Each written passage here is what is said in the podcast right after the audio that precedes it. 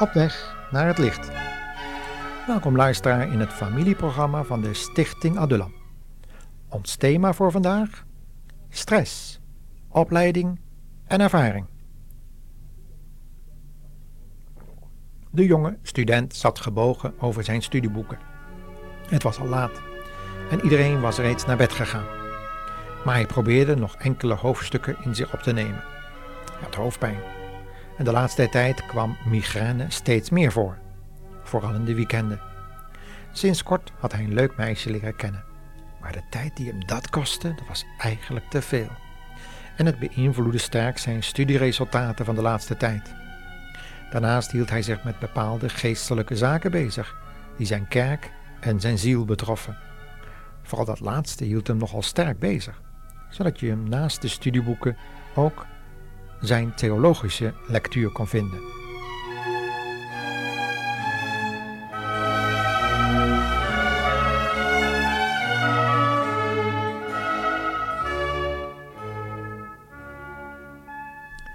Plotseling voelde de student iets knappen in zijn hoofd, die late avond. Even werd het donker om hem heen en greep hij naar zijn hoofd. Verbaasd keek hij om zich heen en hij realiseerde zich dat er in zijn denken iets misgegaan was. Vanaf dat moment kon hij zich niet meer concentreren op de studie en zijn gedachtenleven was chaotisch, waardoor ook het meisje afhaakte. Niet lang daarna moest hij opgenomen worden in een psychiatrische afdeling met een neurologisch probleem en zeer sterke stressverschijnselen.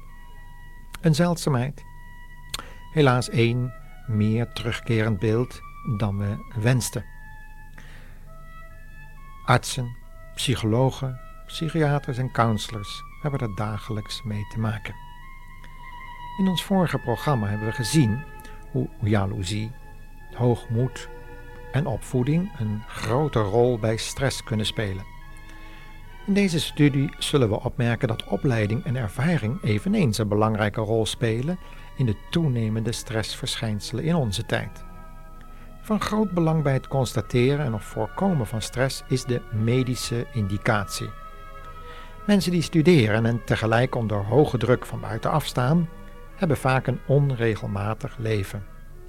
Ze verzorgen het lichaam niet optimaal, letten niet voldoende op de voortekenen zoals slapeloosheid, gebrek aan concentratie en prikkelbaarheid. Te weinig drinken in een warm land bijvoorbeeld kan tot nierbeschadigingen leiden, hoofdpijnen veroorzaken en zelfs suikerziekte. En te weinig ontspanning kan stress in de hand werken. Een gevoel van oververmoeidheid en voortdurende vlagen van neerslachtigheid zou kunnen wijzen op een te laag bloedsuikerpeil. Een kwaal die bekend staat als hypoglycemie. Een streng, eiwitrijk dieet kan dan wonderen doen en voor een snel herstel zorgen.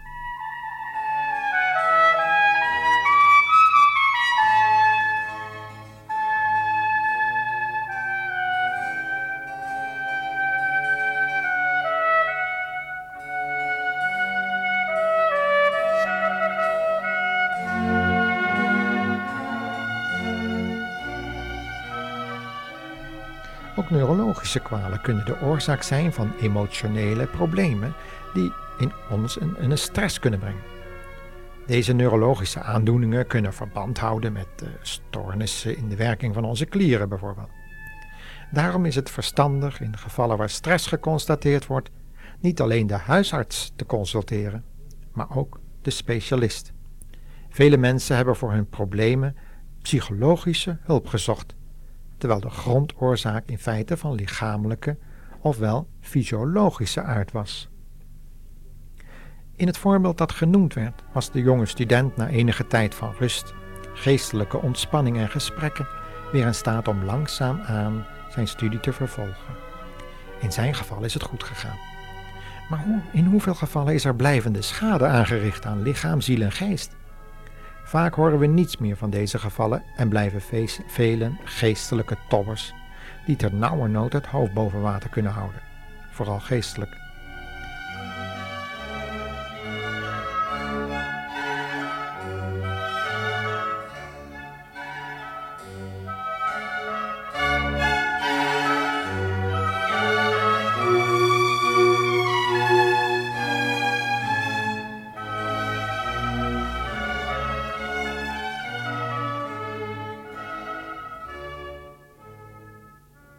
In een studie over dit onderwerp schreven Clyde en Rut Nermore in hun boek How to Handle Pressure het volgende.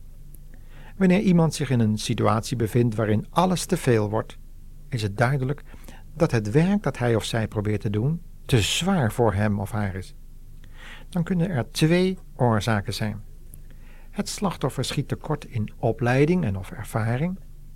Het ontbreekt hem of haar aan de geestelijke en of lichamelijke capaciteiten of de natuurlijke aanleg die voor de taak vereist is. Wie zich uitslooft om een taak te volbrengen die de capaciteiten te boven gaat, ondervindt het toppunt van frustratie. Dit heeft natuurlijk eveneens stress tot gevolg. Toch zijn er duizenden mensen die niet op hun plaats zijn en daardoor te lijden hebben onder de handicap dat zij werk moeten doen waarvoor zij eigenlijk ongeschikt zijn. Ook studenten hebben met dit soort werkdruk te maken wanneer hun studie het opnamevermogen te boven gaat. Het is dan zaak om tijdig van studierichting te veranderen, voor het te laat is. Anders komen ze in een betrekking die niet voor hen geschikt is en raken ze vroeg of laat toch weer in moeilijkheden en spanningen en emotionele storingen. Veel mensen hebben gelukkig met werksituaties te maken waarin hun opleiding en inspanning bijzonder gewaardeerd wordt. Maar sommige werkgevers en docenten hebben een beleid wat erop gericht is om zoveel mogelijk werk met zo weinig mogelijk mensen in zo min mogelijk tijd te doen. Uiteraard leidt deze opstelling tot spanningen die tot stress kunnen leiden. De meeste mensen denken niet graag aan hard werken. Degenen die niet anders meer kunnen dan hard werken, lijden dan ook vaak aan emotionele stoornissen die zij proberen te verdringen door hard en lang te werken. Wanneer deze mensen plotseling moeten stoppen met hun inspanningen, ervaren ze dikwijls een enorme geestelijke inzinking. Ze hebben dan lange tijd nodig om te herstellen en ondervinden vaak blijvende emotionele schade. De beroemde Engelse criticus John Ruskin schijnt hiervan eens te hebben gezegd: Willen mensen gelukkig zijn in hun werk, dan zijn er drie dingen vereist. Ten eerste moeten ze er geschikt voor zijn. Ten tweede moeten ze het gevoel hebben dat hun werk werkelijk succesvol is. En ten laatste moeten ze niet te veel werk hebben. Voldoende ontspanning ook. Om dit met een bijbelse illustratie aan te geven, lezen we een gedeelte uit de leerrijke geschiedenis van koning Rehabeam, de zoon van de wijze koning Salomo. U kunt het lezen in 1 Koningen 12. In een ernstige regeringscrisis roept hij zowel jongere als oudere wijsgeren en raadgevers op om een advies te geven hoe hij nu moest reageren op de eisen van een ontevreden en lange tijd onderdrukt volk. Dit volk zuchtte onder zware belasting en werkdruk. Luister naar wat de vertegenwoordiger van dat volk, tegenwoordig zouden we dat een vakbondsleider noemen, uh, had te eisen. Hij zegt: Uw vader was een harde meester. Wij willen u niet als koning, tenzij u belooft dat u onze lasten zult verlichten en ons beter zult behandelen dan uw vader deed. De koning vraagt nu drie dagen bedenktijd en raadpleegt zowel oudere als jongere raadsheren, die hem verschillende adviezen geven. De oudere bijvoorbeeld zeiden het volgende: Als u hun een bevestigend antwoord geeft en belooft goed voor hen te zijn en hen op de juiste manier zal dienen, zult u voor altijd hun koning zijn. Maar de jongeren echter gaven een heel ander advies. Een advies van de harde lijn. Luister maar. Zeg tegen die mensen: Als u denkt dat mijn vader machtig was, nou, dan vergist u zich. Ik zal nog veel machtiger zijn. Ja, mijn vader Salomo was hard voor u, maar ik zal nog harder voor u zijn. Mijn vader sloeg u met de geestel, maar ik zal u afranselen met schorpioenen. Het is duidelijk. Hier komen moeilijkheden van. Want de jonge koning kiest voor zijn jonge gezellen, waarmee hij gestudeerd heeft. Het is duidelijk, er zijn grenzen aan de werkdruk. Ook aan de druk waaronder christenen soms leven. Hoeveel werk voor de gemeente gaat er niet verloren door een te hoge dagelijkse werkdruk? Zowel werknemer als werkgever dienen zich te houden aan de Bijbelse adviezen, zodat stress en andere negatieve ontwikkelingen kunnen worden voorkomen. Daarom schreef Petrus onder de leiding van Gods geest in 1 Petrus 2, vers 1 tot 5: Bevrijd u van alle gevoelens van haat en bedrog. Het moet echt afgelopen zijn met die schijnheiligheid, jaloezie en roddel. Als het goed is, moet u als pasgeboren kinderen verlangen naar zuivere geestelijke melk. Dat wil zeggen naar het zuivere woord van het goede nieuws. Dan zult u groeien en in leven blijven. U hebt reeds ervaren dat de Heere goed is. Ga dus nu naar Christus toe. Hij is de levende steen waarop God zijn bouwwerk neerzet.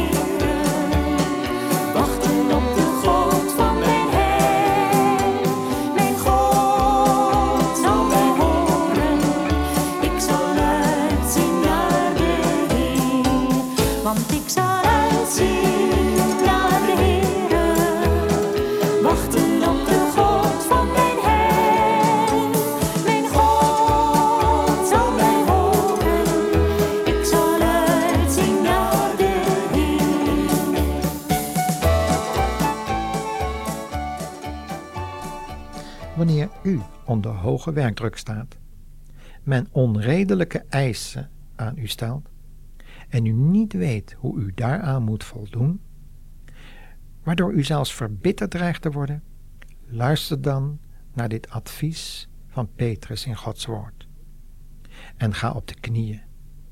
Lees Gods woord, laat het tot u doordringen en vertel God in de naam van de Heer Jezus uw nood. Bevrijd u van alle gevoelens van haat en bedrog. Het moet echt afgelopen zijn met die schijnheiligheid, jaloezie en roddel. Als het goed is, moet u als pasgeboren kinderen verlangen naar zuivere geestelijke melk. Dat wil zeggen naar het zuivere woord van het goede nieuws. Dan zult u groeien en in leven blijven. Hij zorgt voor u. Wat ik u nog wil zeggen is dit nadat u uw nood aan de Heer Jezus verteld heeft? Volg dan ook de Bijbelse adviezen op. Of ga naar iemand toe die misschien iets meer op de hoogte is van de gedachten van God. Laat u adviseren, ga opnieuw op uw knieën en neem de beslissing die Gods woord u zegt dat u die moet nemen. God zegen u en tot de volgende uitzending.